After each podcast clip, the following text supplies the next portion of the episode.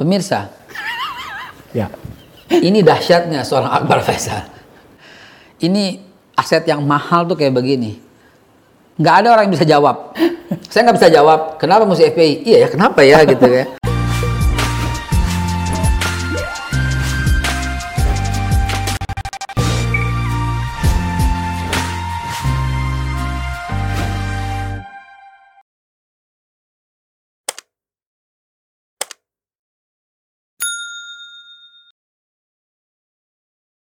Assalamualaikum warahmatullahi wabarakatuh. Kita bertemu kembali di acara kita bersama. Kita berbicara di sini, em, bertemu dengan teman-teman, berdiri pada posisi masing-masing secara elegan sambil memikirkan bagaimana baiknya kita bernegara. Kira-kira begitu. Tamu saya kali ini istimewa juga sih, teman lama. teman lama. Biasa kadang-kadang kita ketemu di TV orang lihatnya kita gontok-gontokan dia nggak tahu kalau kita kita sudah lama sekali berteman. Tamu saya hari ini adalah Habib Jangan Haikal Hasan Saya- Assalamualaikum Habib Waalaikumsalam. Saya koreksi, jangan Habib Haikal, Eh, Babe Haikal aja. Babe Haikal Babe Haikal ya ya. Agak tenang ya situasinya sekarang ya? Situasi belum 100% tenang karena kasus yang dilaporkan itu belum mendapatkan kejelasan penghentian sehingga polisi kapan saja masih bisa memberikan atau me- memberikan surat panggilan untuk memanggil kembali atau meminta klarifikasi kembali. udah berapa kali dipanggil Baru satu kali. Ya, panggilan pertama saya lagi di Solo, yang kedua saya datang. Dan pada waktu itu saya telepon sama penyidik Pak, ini saya lagi di Solo, gimana baiknya? Oh sesempatnya pulang aja. Nah pulang langsung saya datang. di Polda atau di Mabes Polda, ya Polda. Panggilan pertama saya ternyata kena apa? ya, Ada dua strip reaktif, dibawa ke rumah sakit Polri, tes swab, gen ternyata negatif. Kemudian panggilan berikutnya baru diminta klarifikasi. oh karena bermimpi Gimana itu sebenarnya ceritanya gitu? Ya jadi persepsi barangkali persepsi, persepsi dan saya sudah minta maaf secara terbuka oleh masyarakat Indonesia kalau ternyata ungkapan spontan saya itu menimbulkan persepsi, Bang Akbar. Saya terima kasih banget diundang, saya merasa terhormat sekali, saya merasa terwakili suara untuk menyampaikan you are the best, thank you very much. You're welcome. Ya. Jadi ya saya tulus aja. Jadi gini ceritanya. Saya bilang jangan divideokan. Itu satu. Yang kedua saya bilang ini bukan untuk semua anak, untuk untuk mereka yang sedang bersedih. Toh wajah saya itu menghadap para keluarga. Oke. Saya bilang jangan bersedih. Waktu saya dulu pernah di Palestina, ya bolak-balik, itu juga tinggal lama juga di sana. Itu gurauan mereka itu kalau bulan Ramadan, kan bulan Ramadan biasa kalau kita lihat dalam sejarah Israel kan sering ngebom. Ya. Nah saya bilang itu, ibu-ibu yang anaknya meninggal itu mereka tuh nggak bersedih, biarkan katanya dia. Dia buka puasa bersama Rasulullah, begitu kata mereka.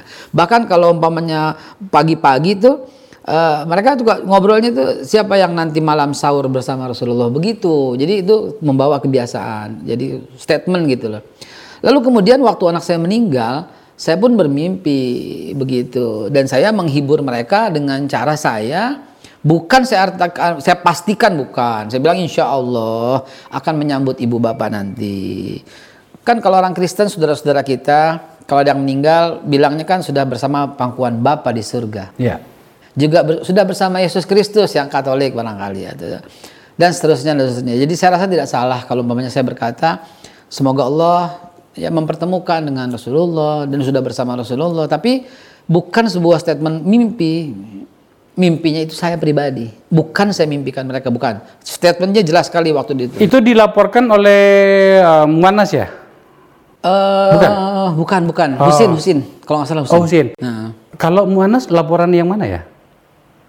Saya nggak tahu ya. Oh, Kalau oke. gede nggak nggak nggak ngelaporkan kali, cuman Oh. rame di media sosial aja Oh, barangkali. oke. Hmm. Saya pengen banget ketemu beliau. Saya WA, saya SMS. Nanti saya pertemukan. Itu junior saya juga. Oh, saya SMS beliau, saya SMS Husin, saya bilang ada apa, salah saya apa. Kalau saya salah saya minta maaf, gitu loh. Ah. Saya saya SMS sebab di WA diblokir. Ya, Haikal Hasan. em, hari ini pemerintah telah memutuskan Hmm. FPI di, Dibubarkan. dibubarkan. terus kemudian berdiri yang namanya FPI alias Front Pe Persaudaraan Persaudaraan Islam. Islam. Hmm. Yang benar yang mana? FPI Front Persaudaraan atau Front Front eh, Persatuan? Saya cerita dulu sedikit. Yang viral itu, ya, yang sampai saya di WA oleh teman-teman polisi, ini apa maksudnya gitu ya. Jadi gini, kira-kira tiga, tiga atau empat tahun yang lalu di Bekasi itu ada banjir. Oke. Dan pada waktu banjir biasa FPI kan terjun luar biasa. Iya, iya, iya. Tahu Bang Akbar, pada waktu itu saya berikan menjawab kere- keresahan mereka. Ustadz, Babe, ini FPI mau dibubarin gitu. Itu empat tahun lalu. Kalau dibubarin gimana nih kita bantu-bantu orang bagaimana? Saya katakan, dengar-dengar ada mau bubarin ya, yang rame itu. Kalau ada yang mau bubarin FPI, kita bikin lagi, kita bikin lagi. Bukan untuk melawan pemerintah yang sekarang. Yang statementnya Pak eh, Pak Mahfud, bukan. Itu dalam rangka waktu itu. Empat tahun lalu saya bilang jangan khawatir kalau dibubarin kita bikin lagi tujuannya untuk tetap kita bantu orang. Tapi memang ada kok videonya yang beredar itu, sorry saya potong Hmm. sebentar. Eh, Habib ya Habib Rizik ya mengatakan kalau mau dibubarkan hari ini nggak masalah, Nggak kita masalah. Hmm. bentuk lagi segala macam. Eh, jadi sebenarnya orang melihatnya bahwa memang eh, apa namanya itu eh, perlawanan FPI itu memang mau diteruskan dengan pola yang sama. Sebentar, kalimat perlawanan FPI itu lawannya di mana? Nah itu dia, aku pengen tahu. Kalau karena begini, eh, Saya garis bawahi dulu ya, saya bukan anggota FPI ya.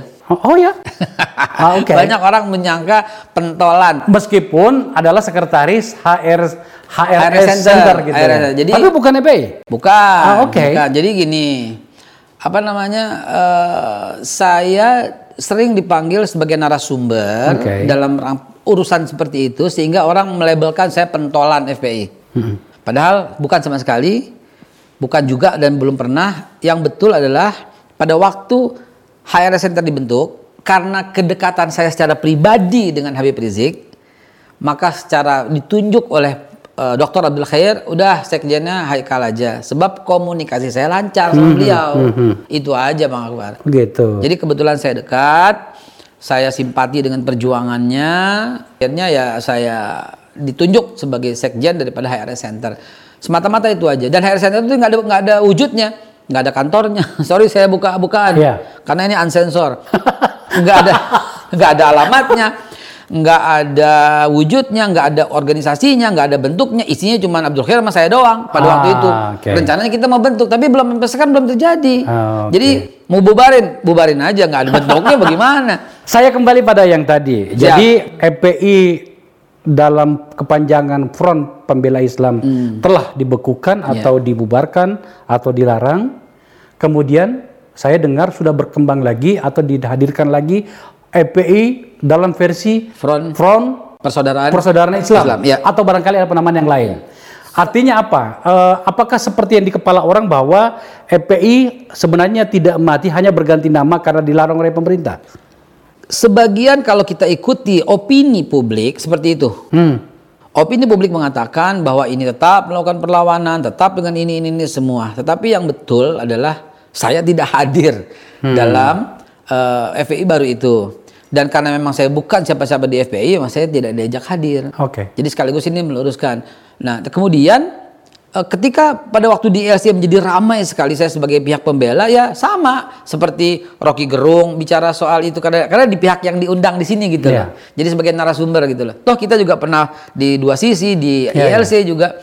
Jadi terpolakanlah pemikiran di masyarakat. Oh ini pentolan FPI. Oh ini, ini enggak, enggak padahal tidak seperti itu. Iya. Sekali lagi saya jawab bahwa FPI dilarang kalau lihat videonya dengan alasan berafiliasi dengan ISIS. Ya. Berafiliasi dengan pembentukan Ada di sini. khilafah. Ah, ah. Ah. ada di sini. Di diktumnya nih. Wah, canggih kali ya Bang. Luar biasa ini. Nah, ini kita besarin lagi. Mantap. Nah, ini. Lihat, lihat. Oke, ini diktumnya tidak terdaftar sebagai ormas, hmm. segala macam itu. Apa tanggapannya dengan ini? Ya, ya. Tidak terdaftar sebagai ormas sebagaimana diatur dalam perundang-undangan. Kalau saya tidak salah, undang-undang ormas yang tidak terdaftar tetap boleh, ya kan? Karena ada undang-undang yang lebih tinggi ya, kemerdekaan berserikat dan berkumpul. Iya. Kalau seandainya mesti diatur sebagai itu, nggak ada masalah, silahkan. FPI telah bubar kegiatan dan menunggu dan mengganggu ketentraman ketertiban umum. Nah ini mesti digarisbawahi Bang Akbar. Mengganggu ketentraman dan ketertiban umumnya itu bertentangan dengan hukum itu ada apa yang dilakukan sehingga dia mendapatkan label mengganggu ketentraman. Ada nggak yang dilakukannya mengganggu? Eh, saya mencoba menyitir pandangan beberapa orang yang menyangkut soal itu. Demo. Ah, demo, Oke. kemudian eh, dulu itu loh apa namanya itu suka ke Sweeping, sweeping, sweeping gitu sweeping, ya. oke. Dia mengambil posisi negara di situ. Oke. Nah itu juga yang saya maksud eh, apa namanya eh, membuat banyak orang yang kenapa harus melakukan itu kira-kira? Pertanyaannya kapan sweeping terakhir? Oh udah lama cukup lama ya. Oh lama sekali dan itu ternyata udah diberhentikan langsung. Kenapa? Karena dia melanggar garis organisasi. Oh sudah menjadi larangan organisasi. Larangan. Ah, Oke. Dilang, dilanggar dan sudah diberhentikan. Setahu Sejak- saya seperti itu. sejak kapan? Kalau saya tidak salah lebih daripada 10 tahun yang lalu sweeping terakhir. Oh enggak kok, itu kan beberapa tahun yang lalu masih ada di terutama di beberapa daerah ya. Ya, sweeping itu pernah terjadi tapi tidak dilakukan sweeping ketika topi Santa Claus, Santa Claus dulu. Ya, ya. ya, ada pernah terjadi. Kalau itu melanggar ya dan itu juga di luar ketentuan. Melanggar eh, melarang penggunaan atribut ya itu dampaknya bila melanggar oke. Nah, sekarang dibubarkan ya itu hak pemerintah. Oke. nggak ada masalah dan FPI membentuk tubuh yang baru itu Front Persaudaraan atau Front Persatuan belum juga mendapatkan restu ya dari Habib Rizik ya mengenai logo mengenai apa setahu saya belum dapat apa pun belum dapat sehingga orang tuh rame-rame mendeklarasi dan sebagainya dan kalau umpamanya itu dianggap sebagai pelanggaran sebagaimana statement para petinggi jenderal-jenderal yang sudah tua yang banyak itu Iya. itu mengatakan ini sikat semua kalau saya habisi semua kalau ini semua kalau ini semua. Ya silahkan saja berwacana seperti itu. Dan bagi FPI bagi FPI juga silahkan mengkoreksi diri. Setahu saya karena saya bersama eh, Abdul Khair itu yang di- dikatakan HR Center itu menggali pemikiran-pemikiran Habib Rizik Hmm. Setahu saya, yang saya dalami, yang saya gali, beliau tidak pernah setuju dengan apa yang ISIS lakukan kecuali ketika ISIS baru pertama kali berdiri. Iya, oke. Waktu pertama kali ISIS berdiri, dia mengundang simpati semua orang. Dan IAIN pernah deklarasi di dalam. Banyak sekali ustadz-ustadz mendeklarasikan setuju dengan itu. Karena dia mendirikan sesuatu organi apa, negara yang Islamic State lah begitu ya. Namun, hanya bertahan tiga bulan Bang Akbar. Harusnya pemerintah fair. Jangan mengambil video yang lama, cari video yang terbaru. Di mana video terbaru? Habib Rizik mengatakan ISIS itu bukan Islam. ISIS itu berbahaya. Ada video itu. Ada, video yang terbaru ada. Yang lama kalau ada yang bagus diambil ada. Gitu loh. Nah, nah, coba lihat karena kan kita ada rekam atau tidak nanti saya cari, tapi saya kan hadir sebagaimana saya katakan di area center itu kita menggali pemikiran-pemikiran Habib Rizik. Hanya sebatas sebatas itu, tidak ada. Cuma isinya cuma dua orang atau bertiga barangkali atau berempat barangkali. Tidak ada kegiatan apa pun, hanya menggali pemikiran sebagaimana eh, Habibie Center eh, dan lain-lain gitu ya. Yang saya gali dari pemikiran beliau adalah beliau cinta mati dengan Republik Indonesia. Beliau tidak berafiliasi dengan ISIS sama sekali. Kalaupun ada yang dahulu video itu, itu masa lampau. Karena masa yang baru, setahu saya tidak ada ulama di Indonesia yang setuju dengan ISIS kecuali grupnya Abu Bakar Al-Baghdadi dan saya pernah bersih tegang keras sekali di Islamic Center ketika mereka menyatakan ISIS itu baik dan betul saya habis-habisan berantem sehingga saya akhirnya keluar dari sidang karena banyak peserta yang nggak suka dengan cara saya tapi suka dengan eh, namanya eh, Abu Farhan. Abu Farhan. Dan dia sudah meninggal dunia di Kalimantan. Orang ini pengikut ISIS sejati, beribut sama saya sebelum ISIS dilarang habis-habisan, udah saya katakan ini nggak benar. Karena dia mengklaim dia menjadi Islamic State dan semua, dan dia membunuh orang yang sama sekali nggak ada dalam Islam caranya seperti itu. Iya. Bahkan Nabi Muhammad, kalaupun ada tawanan, perlakukan mereka dengan sebaik-baiknya, beri makan sebagaimana kamu makan dan seterusnya. Dan dia memperlakukan tawanan dengan kejam dan pokok ISIS pokoknya bukan dari Islam, tapi itu create, Iya. ya create eh, Amerika yang create ISIS, Taliban dan sebagainya. Jadi setahu saya Habib Rizik seperti itu. Maka FPI yang baru demi untuk menciptakan kondusif harus diumumkan ke publik bahwa setia dengan Pancasila dan Undang-Undang Dasar 45. Sudah mulai dirancang seperti itu. Di FPI yang baru setahu saya seperti itu. Tapi dengan orang yang sama.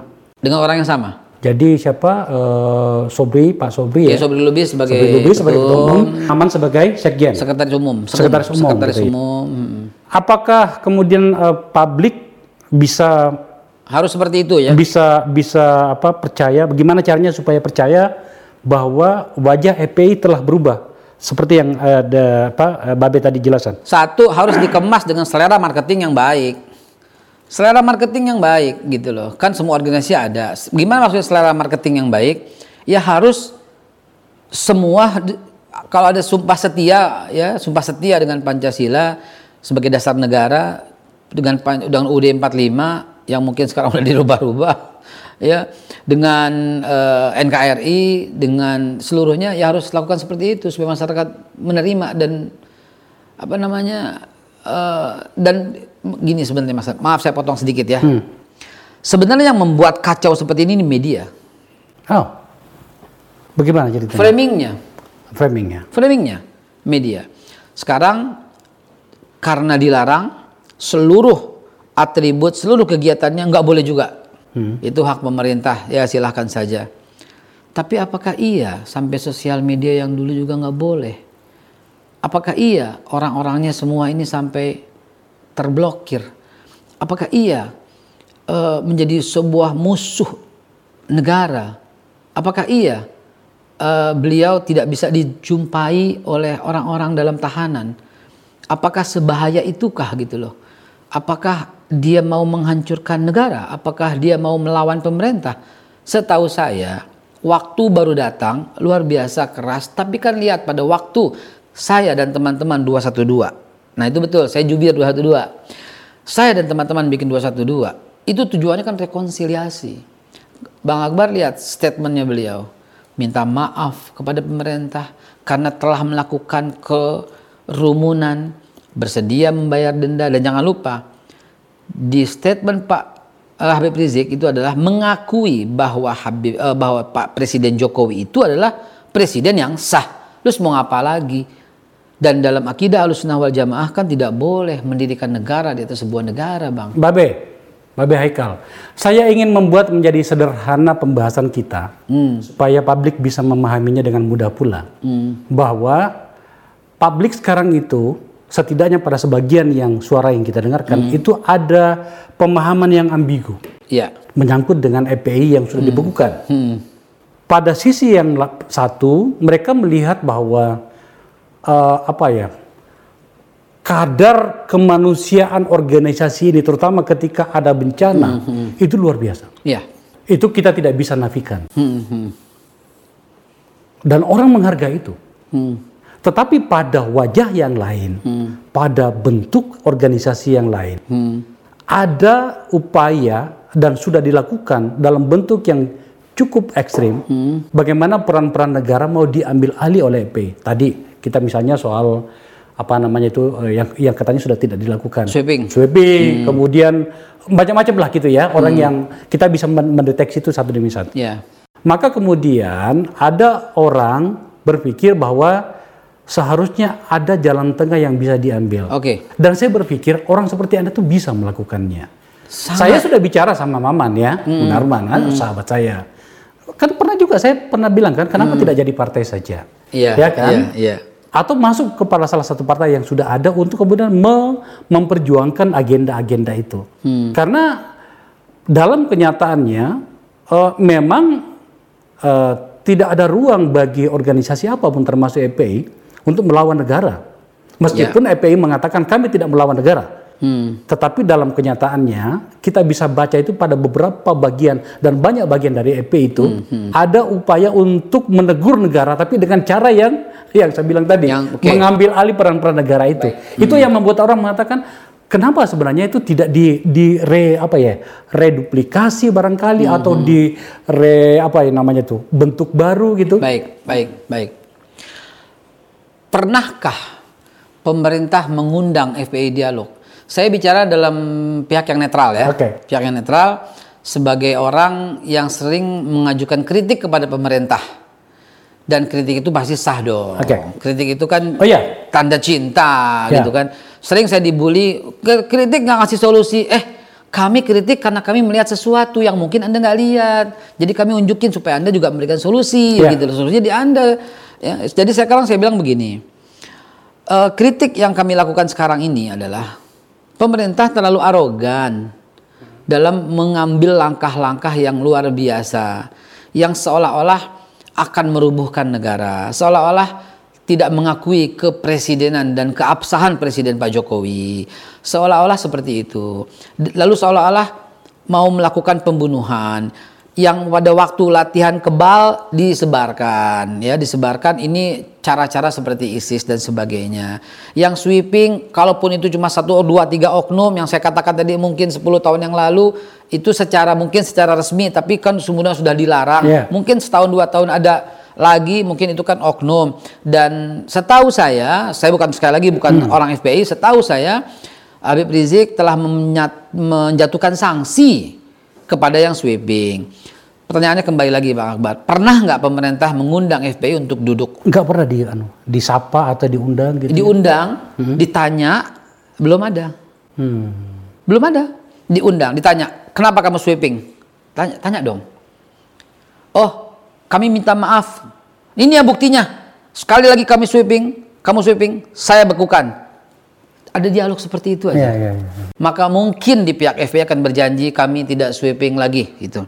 Pada masyarakat dengarkan di sosial media resmi kami tidak sweeping lagi. Bisa lo dilakukan begitu loh bang. Loh kamu mengambil tugas negara, kamu eh, menjelek-jelekan agama lain. Yang mana? Yang ini ini ini, ini lihat lihat lihat lihat. lihat. Oke. Kami minta maaf kepada agama yang tersinggung dengan ucapan kami. Bila mana kami melakukan hal lagi, maka kami bersedia diberhentikan atau di, di, di, di stop atau dibekukan atau di, di- apa pun dibubarkan dan sebagainya. Bisa loh bang.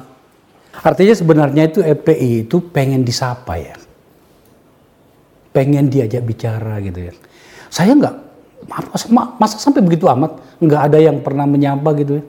Separah itu ya. Separah itu. Bahkan, bahkan, aduh bang, kita kan waktu Habib pulang, itu kan kita kan langsung gerilya. Hmm. Langsung gerilya saya ke Pak Mahfud, ya, yang lain lagi ada ke Pak Ma'ruf, yang lain lagi ada ke Pak Bancaya melalui beberapa teman ke Pak Jokowi. Pengen dialog. Saya dengar juga ini, Mbak Beni. Ada beberapa upaya untuk mengajak teman-teman FPI untuk ber- berdiskusi, tetapi belum-belum, katakanlah misalnya pada peristiwa pulangnya Habib dari Arab Saudi, Iya. itu dalam kondisi kopi, tapi malah merencanakan untuk melakukan safari ke daerah-daerah. Yang notabene itu berisiko luar biasa gitu ya. Iya, iya. Jadi eh, di beberapa kalangan pemerintah mengatakan bagaimana mau diajak bicara misalnya dalam satu contoh itu saja gitu kan. Oke lah itu sudah terjadi. Bisa nah sekarang bang, bisa bang, bisa. Kalau ke daerah kami tangkap, bisa bang. Ntar dibilangin lagi ekstrim, terlalu otoriter gimana dong? Ancaman dengan tindakan berbeda. Sekarang nggak pakai apa-apa langsung ditangkap. Kalau ancaman masih oke, Gitu ya?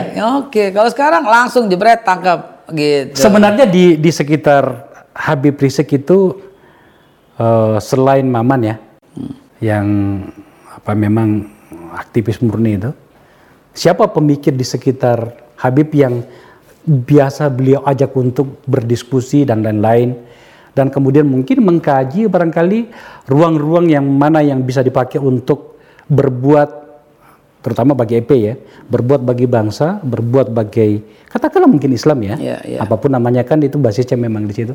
Siapa saja? Sayangnya beliau kan di Mekah sehingga jalur komunikasi dan diskusi itu terputus apalagi sejak Covid.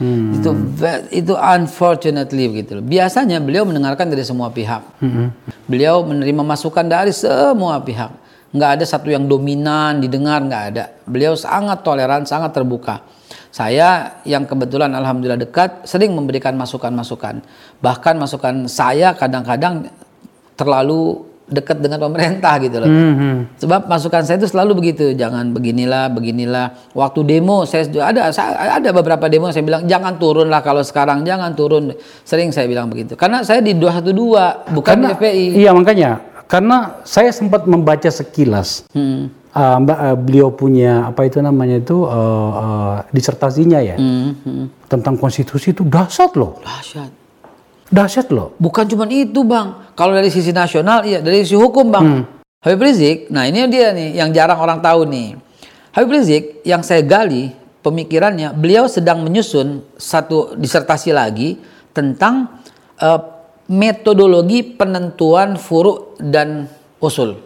Ini yang yang rame kan Muhammadiyah, NU sebagai semua semuanya. Ini kalau beliau turunkan, beliau diundang ke negara-negara lain hanya untuk bicara soal itu. Betapa dahsyatnya metodologi itu. Kalau itu udah diresmikan dan disebarluaskan dan dicetak dan dibanyak, nggak ada lagi perbedaan, nggak ada lagi pertentangan, nggak ada lagi kafir mengkafirkan, bid'ah membid'ahkan, semua akan bersatu bersaudara. Nah itu sebenarnya yang membuat kita bingung. Mungkin termasuk saya barangkali nih Babe ini. Pada bagian tertentu wajah EPI dan personally Habib itu, saya kenali dari beberapa karyanya, termasuk dengan orang-orang di sekitarnya. Tapi pada wajah yang lain itu, kok berbeda dengan yang itu gitu loh. Kebingungan Bang Akbar itu Makanya. kebingungan saya, kebingungan yang lain juga. Iya. Kalau sudah pegang mic, wow. kita ya ampun, kau kau udah pegang mic, deg-degan kita. Iya. Makanya saya bilang, kenali Habib Rizik itu dari cara diskusi, duduk bertemu. Iya. Kenapa susah? Makanya saya berjuang sampai gagal. Terus terang saya gagal. Dan teman-teman gagal untuk mengajak orang-orang berdiskusi. Please diskusi dengan dia. Bahkan, bahkan saya memberanikan diri kapan Habib bisa datang menemui Bapak. Hmm. Kepada Pak Jokowi melalui ya, beberapa teman yang sangat dekat, saya nggak enak sebut namanya, yang hari-hari rapat dengan Pak Jokowi. Bahkan orang yang saya minta tolong ini rapatnya itu bertiga antara dia, si X, si X dengan Pak Jokowi. Saya titip dua-duanya. Saya bilang Habib Rizik mau ketemu. Saya memberanikan diri. Seperti itu. Memang Habib ini pengen ketemu. Ya, beliau ingin berdialog. Ternyata tidak dia loh. Nggak. Oh gitu ya. Beliau ingin dialog. Beliau Kapan ingin kejadian itu? begitu pulang. Oh oke. Hari kedua, hari ketiga pulang saya udah langsung ke gerilya. Ke semua deh, ke semua partai dari sebutlah dari Gerindra saya udah deketin beberapa orang, dari PKS saya udah deketin beberapa orang, dari teman-teman semua deh, semua partai deh. Bahkan dari teman saya yang PDIP saya temuin juga. Saya temuin semua petinggi-petinggi di PDIP pasti orang yang lihat ini dia tahu lah siapa yang saya temuin di hotel di apa restoran Al Jazeera. Saya temuin, ayo dialog lah saya bilang gitu. PDIP semua, saya- bergerilya itu. Saya bukan FPI, saya bukan siapa-siapa Bang Akbar. Cuma saya peduli bahwa nggak boleh kita pecah kayak begini, nggak boleh. Terhadap orang yang ngaduin saya aja, saya WA, saya SMS, saya bilang bersatu deh, udah cukup gitu, capek begini Nah, gitu. ini menarik ya. Kalau pintunya sudah di situ, sekarang kita kita tadi sudah membahas sedikit soal itu. Hmm. Eh, kalau memang ternyata akan dibentuk lagi nantinya, apa pun namanya, meskipun kelihatannya tidak akan jauh-jauh dari EPI, katakanlah Forum Persatuan segala macam. Kalau kemudian betul-betul mengubah wajah dari apa yang kita tahu tentang EPI yang sebelumnya, Mengubah anggaran, dasar, anggaran rumah Ah. tangga, visi, value, misi, nilai, semua dirubah. Ya. Apakah pemerintah masih izinkan? Itu satu pertanyaan. Yang kedua, apakah para pengikutnya atau masanya atau rakyatnya EPI ikut apa pun diputuskan nantinya oleh Habib atau organisasi nantinya? 100% saya jamin itu ikut karena saya tahu saya ke daerah walaupun saya bukan FPI tapi kalau ke daerah saya sering di apa dikawal. Dan ini memang garis partai garis maaf garis FPI yang saya tahu.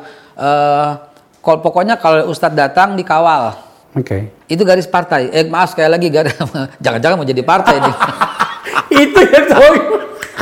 ketelepasan dua kali nih. Tiga kali ketelepasan garis partai ini ini buat tanda tanya buat netizen ini. Ini yang seru sensornya ini ya. Garis organisasi ya. Setahu saya begitu. Siapa pun kalau ustadz kiai dai atau motivator bahkan atau apalah kalau saya bukan ustadz saya bukan kiai saya bukan habib. Apa namanya yang datang itu dikawal itu memang garis garis organisasi. Kalau itu sih biasa. Ya. Tetapi maksud saya ini itu loh hari ini kan. Realitasnya ada seperti ini. Karena apa harus diakui bahwa masanya rakyatnya EPI itu ada. ada Gitu loh ya. dan banyak Dan ya, dan itu adalah bagian dari kita. Hmm. Saya mengambil posisi dengan acara ini Akbar Faisal Unsensor itu bahwa uh, ayo saling mendengarkan. Makanya tadi pada pembukaan itu ini adalah tempat bagi kita untuk berbicara. Semua orang berbicara. Gitu loh. Nah, ini yang Bang Akbar lukat ini yang yang yang yang beyond imagination. Kenapa? Orang-orang seperti saya kalau ada acara FPI saya nggak bakal diundang karena saya bukan FPI. ada acara GNPF saya nggak bakal diundang karena saya bukan GNPF. Iya ada acara 212 saya juga nggak diundang karena saya cuma sekedar juru bicara bukan dalam organisasi yang rapi seperti itu nah dengan cara seperti ini ini sangat sangat membuka wacana publik iya. 20 ribu orang lihat nanti saya subscribe lagi ada 6 jutaan yang subscribe saya 6 jutaan itu saya share lagi di yeah. 6 juta itu uh. sehingga semua orang tahu bahwa uh, satu pemikiran Habib Rizik tidak seperti apa yang dipotongan-potongan video oke okay. kita yang dekat aja deg-degan kalau dia udah megang mic karena totally different gitu yeah, loh. Yeah, yeah. Totally different. Maman juga ngomong gitu itu. gitu ya. kita deg-degan kalau udah pegang mic itu wow wow gitu loh. Kita deg-degan. Tapi begitu dia duduk tiba-tiba apa namanya karismanya bercerita betapa cinta matinya dia dengan Indonesia di saat saya uh, Kang Maman juga tahu persis dan bagaimana Saudi Arabia menawarkan apa untuk beliau mm -hmm. dia tahu udah, lah. Udah cerita semua kok. Udah semua ya. Nah. Dan dia cinta matinya dia harus hidup dan mati di sini saya katakan gitu loh. Ya susahnya di mana sih dia loh? Ada satu pertanyaan. Komunikasi bang, masalah kita, ya. masalah bangsa ini, komunikasi bang. Iya iya. Tapi ada satu pertanyaan yang saya tidak tahu apakah tepat saya bertanya kepada anda. Mm -hmm. Tapi ya enggak apa-apa, saya coba saja. Mm -hmm. Bahwa sebenarnya, terutama pada kasus yang terakhir itu, EPI dan atau Habib Rizik itu tidak lagi berdiri sendiri konon kabarnya menurut bahasa intelijen hmm. itu memang Habib itu diposisikan untuk menghadapi dominasi China terutama pada kemelut di Laut Cina Selatan yang semakin memanas di mana termasuk di Indonesia hmm. dominasi ekonominya China itu semakin membesar hmm. maka kemudian ada beberapa blok NATO negara hmm. itu merasa terganggu hmm. saya tidak terlalu paham tetapi ada bahasa itu hmm. ada boleh jawab atau boleh tidak saya begini jawaban saya begini pemerintah pasti lebih tahu. Indikasinya kan punya duit dong. Ya. Kalau punya duit banyak dan tiba-tiba banyak, ah ini ada sesuatu. Ya. Dan kita nggak tahu punya duit atau nggak punya duit kita nggak tahu. Tapi setahu saya, ketika kita mau mengadakan acara 212 yang notabene-nya ada FPI yang sangat dominan di situ, hmm. kita cari duit mati-matian. Oke. Okay. Kalau ada duit, mesti kita nggak repot. Itu indikasi. Nggak ada duit bang. Kita tuh ngandelin seribu dua ribu sepuluh dua ribu puluh ribu perak daripada jamaah untuk mensupport acara ini acara-acara kita itu dia satu yang kedua kayaknya terlalu jauh bang hmm. karena walaupun saya bukan di FPI bukan di GNPF termasuk orang yang diajak sering diajak diskusi dan bicara nggak ke sana dan kalaupun ke sana pasti kita berkata, "Wait, kejauhan, perannya bukan itu." Pasti kita bilang begitu. Jadi setahu saya nggak ke situ. Ini yang saya tahu ya, saya tahu ya. Sekali lagi bang, saya tegaskan sekali lagi, andai kata ada wacana seperti itu, pasti kita bilang, oh itu, itu nggak ke situ, nggak ke situ, nggak ke situ, nggak kejauhan, kejauhan. Bahkan nih, bahkan ya, bahkan, bahkan. Ketika terjadi keributan, contoh pembakaran bendera PDIP dalam demo RUU HIP, hmm. itu kita sesalinya itu minta ampun. Saya minta maaf padahal saya bukan siapa-siapa. Saya bilang ini kita mesti minta maaf loh saya bilang. Entah apa yang terjadi ini memalukan gitu loh. 212 terkenal tertib, damai, bersih. Dia ada kayak begini dia sebenarnya mencoreng gitu. Dan ternyata saya kan nggak ikut. Ternyata saya tahu itu bukan digawein oleh 212 tapi digawein oleh anak NKRI, Aliansi Nasional Anti Komunis. Oh, lega lah saya.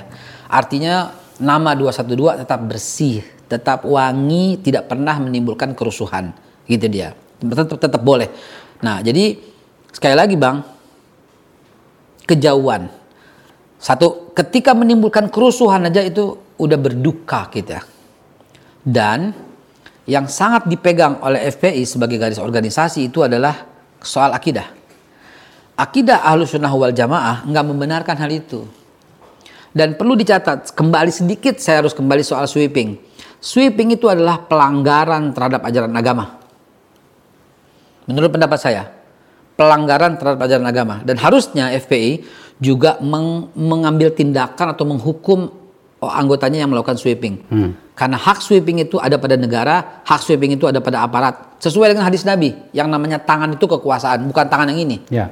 Nah itu dia. Jadi balik lagi ke pertanyaan Bang Akbar, kayaknya kalau ke sana terlalu kejauhan karena mendirikan negara di atas sebuah negara itu haram, itu bugot, itu namanya khawarij, itu tidak dibenarkan dalam Islam. Hmm, tidak mengakui pemerintahan yang sah juga itu ternyata eh, melanggar dalam ajaran agama. Kalau menurut pendapat kami itu melanggar sehingga Pak Jokowi itu adalah harus dia katakan harus diakui adalah presiden yang sah di Republik Indonesia dan diakui oleh sebagian besar warga. Itu pegangan mestinya. Semua mesti pegang itu. Kalau nggak pegang seperti itu, ya pantas untuk dihukum. Iya, iya. Nah, makanya eh, Babe Haikal ini kan saya merasa senang dan saya yakin juga penonton Akbar Faisal Sensor mendengarkan ini nantinya akan merasa bahwa oh, kalau begitu sudah tak ada masalah. Oh, kalau begitu ada jalan keluar. Iya, Ya kan? Nah, kita lihat saja nantinya. Cuman ada satu lagi yang harus saya pertanyakan dan saya juga tidak terlalu yakin apakah saya bertanya pada orang yang tepat untuk itu. Yakni soal tertembaknya enam orang anggota EPI.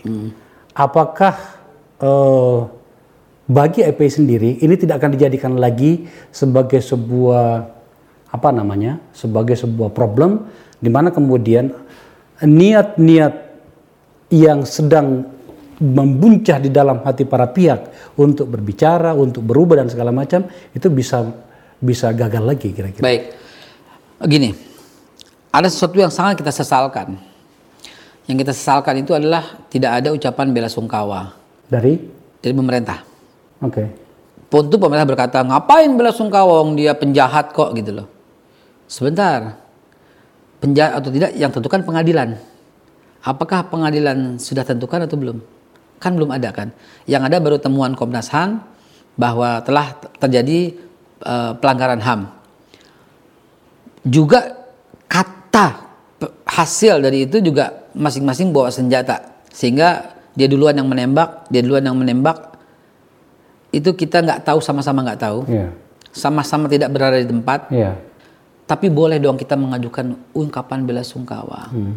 boleh dong ini keluarga korban ini dikasih santunan boleh dong oh ini bahkan kemarin secara resmi polisi mengatakan tidak ada perintah kan kalau saya pendapat saya sih nggak ada salahnya untuk memberi santunan gitu loh Hmm, bang Santunan kepada korbannya korban nggak ada salahnya gitu dari negara ya. dari negara bang Oke.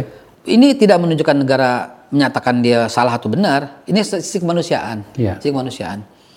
Nah, kok nggak ada ke situ? Ini kan kita mau rekonsiliasi. Iya, iya. Kita kan mau kebaikan, kita kan mau dialog.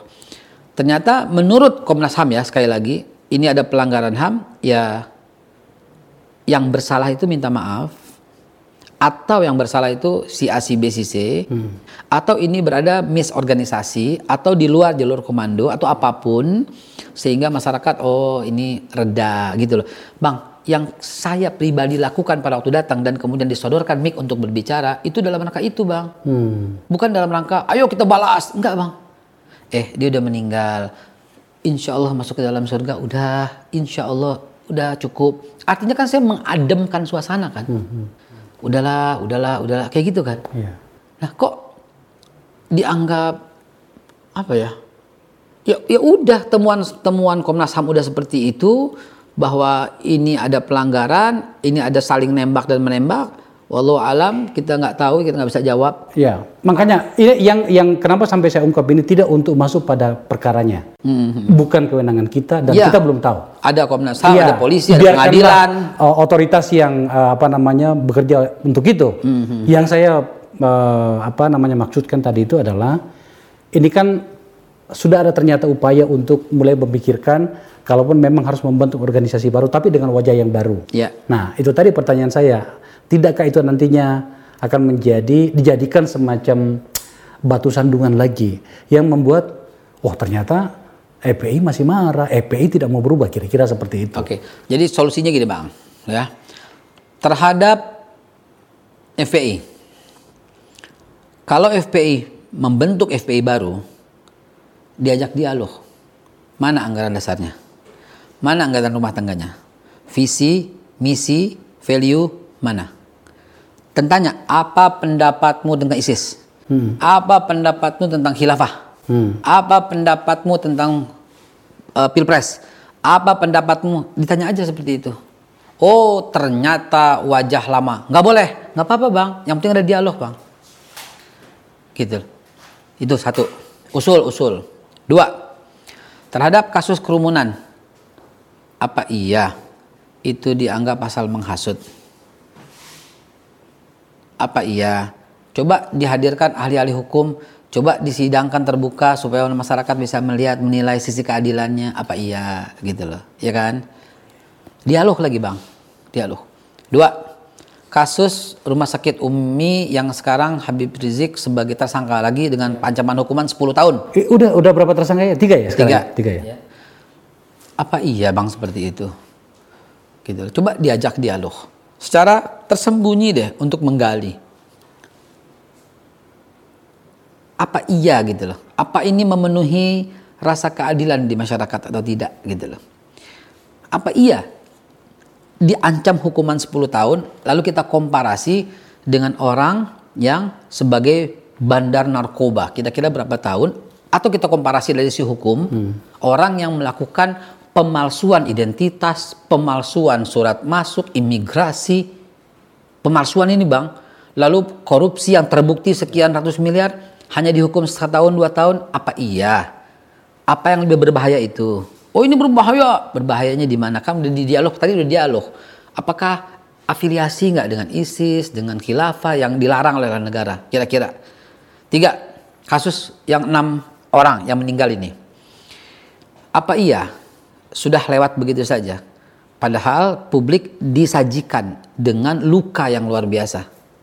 Bisa saja loh bang. Polisi berkata luka itu oknum. Kami tidak perintah. Bisa aja. Oh masyarakat akan diam. Masyarakat akan tenang. Oh ini kesalahannya bukan institusi. Sekali lagi saya juga melakukan edukasi yang bisa dilihat jejak di sosial media. Jangan benci institusi Polri. Iya. nggak adil begitu. Jangan benci institusi Polri. Polri ini kalau ada satu dua yang salah ya wajar lah gitu. Nah Polri dalam misalnya dia melindungi siapa yang salah silahkan dan katakan saja ini ada misorganisasi, ada mis eh, apa ya jalur komando yang tak ditaati dan kami telah melakukan tindakan hukum yang bersangkutan telah diperiksa di eh, apa pom apa Ya. itu wah kalau itu terjadi bang suasana akan tenang damai kembali dan kita dukung sampai 2024 tenang keadaan Gitu ya. tertib keadaan Beb, pertanyaan dukung. terakhir dari saya. Kenapa harus menggunakan EPI? Kenapa tidak orangnya yang lain gitu? Kalau memang ingin pemirsa di mana pemirsa matanya mata saya Situ sini, ya sini, sini. pemirsa Ya. ini dahsyatnya seorang Akbar Faisal ini aset yang mahal tuh kayak begini. Nggak ada orang yang bisa jawab. Saya nggak bisa jawab kenapa mesti FPI iya ya kenapa ya gitu ya. Ini loh dahsyatnya beliau. Jadi hati-hati kalau ditanya sama beliau ya. Itu unbelievable. Itu beyond your iya ya Iya, kalau menurut saya gini, kalau memang tadi tadi kan Babe Haikal kan mengatakan gini, Iya, iya. eh, direncanakan anggaran dasar baru baru, anggaran rumah tangga segala macam, eh, tidak ber apa ber eh, dengan isi segala macam. Ya kalau begitu memang kan menginginkan wajah baru kan. Iya, Ya sudah nama dengan batu juga misalnya. Kenapa tidak dipikirkan seperti itu? Ya. Ini dahsyat, dahsyat. I don't know, saya nggak bisa jawab. Ya, Eh, yang jawab harus orang FPI beneran, ya. bukan FPI bayangan ke saya. saya nggak bisa jawab, tapi jawaban saya iya ya, kenapa ya gitu ya. Saya belum bisa nanya sama Maman, saya belum bisa nanya sama teman-teman yang Saya lain. titip pertanyaan ini. Hah? Saya titip saya sampaikan kepada teman-teman gitu loh. Eh, karena apa pun namanya ya, itu EPI eh, yang kemarin yang sebelum dibubarkan organisasi itu, ya memang punya punya orang masa besar gitu ya. Apa FPI Perjuangan kali gitu ya? FPI Perjuangan, Front Pembela Islam Perjuangan. nah, itu tadi yang saya katakan, Babe, bahwa uh, saya berharap sih acara-acara acara saya ini ya Profesor Sensor dan saya berharap acara-acara yang lain kalau belum bisa masuk pada wilayah formal kekuasaan dibangun komunikasi itu ya setidaknya lewat seperti inilah ya, ya saya saya tidak terlalu nyaman kalau kemudian banyak acara-acara seperti ini kok malah ngomporin juga gitu ya nggak Yes. mau saya nggak mau saya. Absolutely, Bang. Iya betul. Absolutely, Dan apalagi misalnya orang seperti anda yang ya karena aku sudah kenal lama anda gitu ya. Iya, Jadi iya, logika logika dan apa namanya itu pilihan-pilihan diksinya itu juga terukur menurut saya kenapa tidak diambil peran-peran itu kira-kira gitu loh. Ya, Bib. ya, kita udah capek terpecahkan seperti ini. Kita ingat bahwa ini kejadiannya bermula dahulu ya ketika Pak Basuki menyampaikan itu sehingga kita plus langsung merasa terbelah dua sebagai bangsa. Dan Pak Basuki udah menjalani hukuman dengan berani. Udah deh stop dulu deh. Stop ya. Stop dulu, berhentilah soal 0102. Toh yang 02 juga udah berada dalam 01 sekarang, dua-duanya lagi sekarang. Terus yang di bawah masih kayak begini, udahlah. Saya tidak mau bertanya soal teman-teman anda dulu yang sekarang sudah ada di kekuasaan. sudah saya sudah sering bertanya dan itu menurut saya tak usah ditanyakan lagi lah. Jawabannya sudah saya tahu, ya kan? Ya, ya masalahnya gini. Yang di bawah ini masih berantem. Iya, iya, iya. Yang di bawah masih berantem. Bang Akbar, pada waktu hari pertama Pak Prabowo memutuskan untuk masuk, saya langsung bicara, saya bilang itu warga, itu kenegaraan. Barack Obama, ketika dia hantam-hantaman dengan Hillary, Hillary ngatain ini fitnah ini Islam, kakeknya Islam, siapa eh, Hussein Barack Hussein Obama kan, Eh, Islam, neneknya Islam, ini akan menimbulkan ini ini Hillary, wah dia bilang Hillary itu begini begini begini, begitu hari pertama jadi Hillary dan Obama berpelukan dan langsung ditawarkan sebagai menteri luar negeri.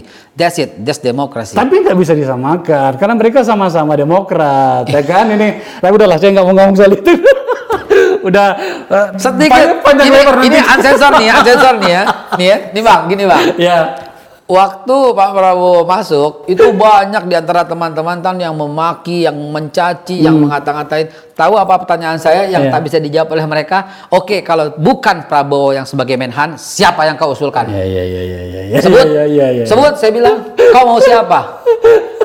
Nggak terjawab bang. Akhirnya bilang, iya juga. Iya udah, saya terima aja. Saya bilang, Haikal Hasan memang hebat. dukung aja lu mau siapa kalau bukan dia. Ya udahlah. Pemirsa, sampailah kita di akhir acara dan sahabat saya Babe Haikal Hasan ini seperti yang Anda lihat tidak pernah kehabisan jawaban gitu ya. Dan sebenarnya saya berharap sih orang-orang seperti beliau ini uh, bisa menawarkan jalan tengah uh, bagi uh, terciptanya. Saya tidak ingin menggunakan kata rekonsiliasi. Terciptanya sebuah persepahaman pada format yang bisa kita sepakati dengan level masing-masing. Kira-kira itu bahasa yang bisa saya gunakan. Babe, terima kasih ya. Terima kasih. Telah sudah datang Very acara kita. inspiring. Iya. Very inspiring. Ini kita rencana sebulan ya. Kita rencana udah satu bulan yang lalu ya. Oh, udah lama, udah lama, ya, udah cukup lama gitu ya. Tapi kan saya harus beliau ini sangat sibuk sekali ya sudahlah saya pahami saja ya. Terima kasih. sekali lagi terima kasih ya. Saya yang Terima ucapkan kasih. terima kasih Baik. diberikan hak untuk bicara. Insya Allah. You the best. Ini tempat ini untuk semua orang untuk berbicara. You the best, you the best. Makasih. Baik, para penonton Akbar Faisal Unsensor. Sekali lagi terima kasih. Kita akan bertemu pada kesempatan yang berbeda dengan isu yang berbeda dengan orang yang berbeda tetapi tujuannya satu. Bagaimana kita saling berbicara dan mendengarkan. Wabillahi taufik wal hidayah. Assalamualaikum warahmatullahi wabarakatuh. Waalaikumsalam warahmatullahi wabarakatuh.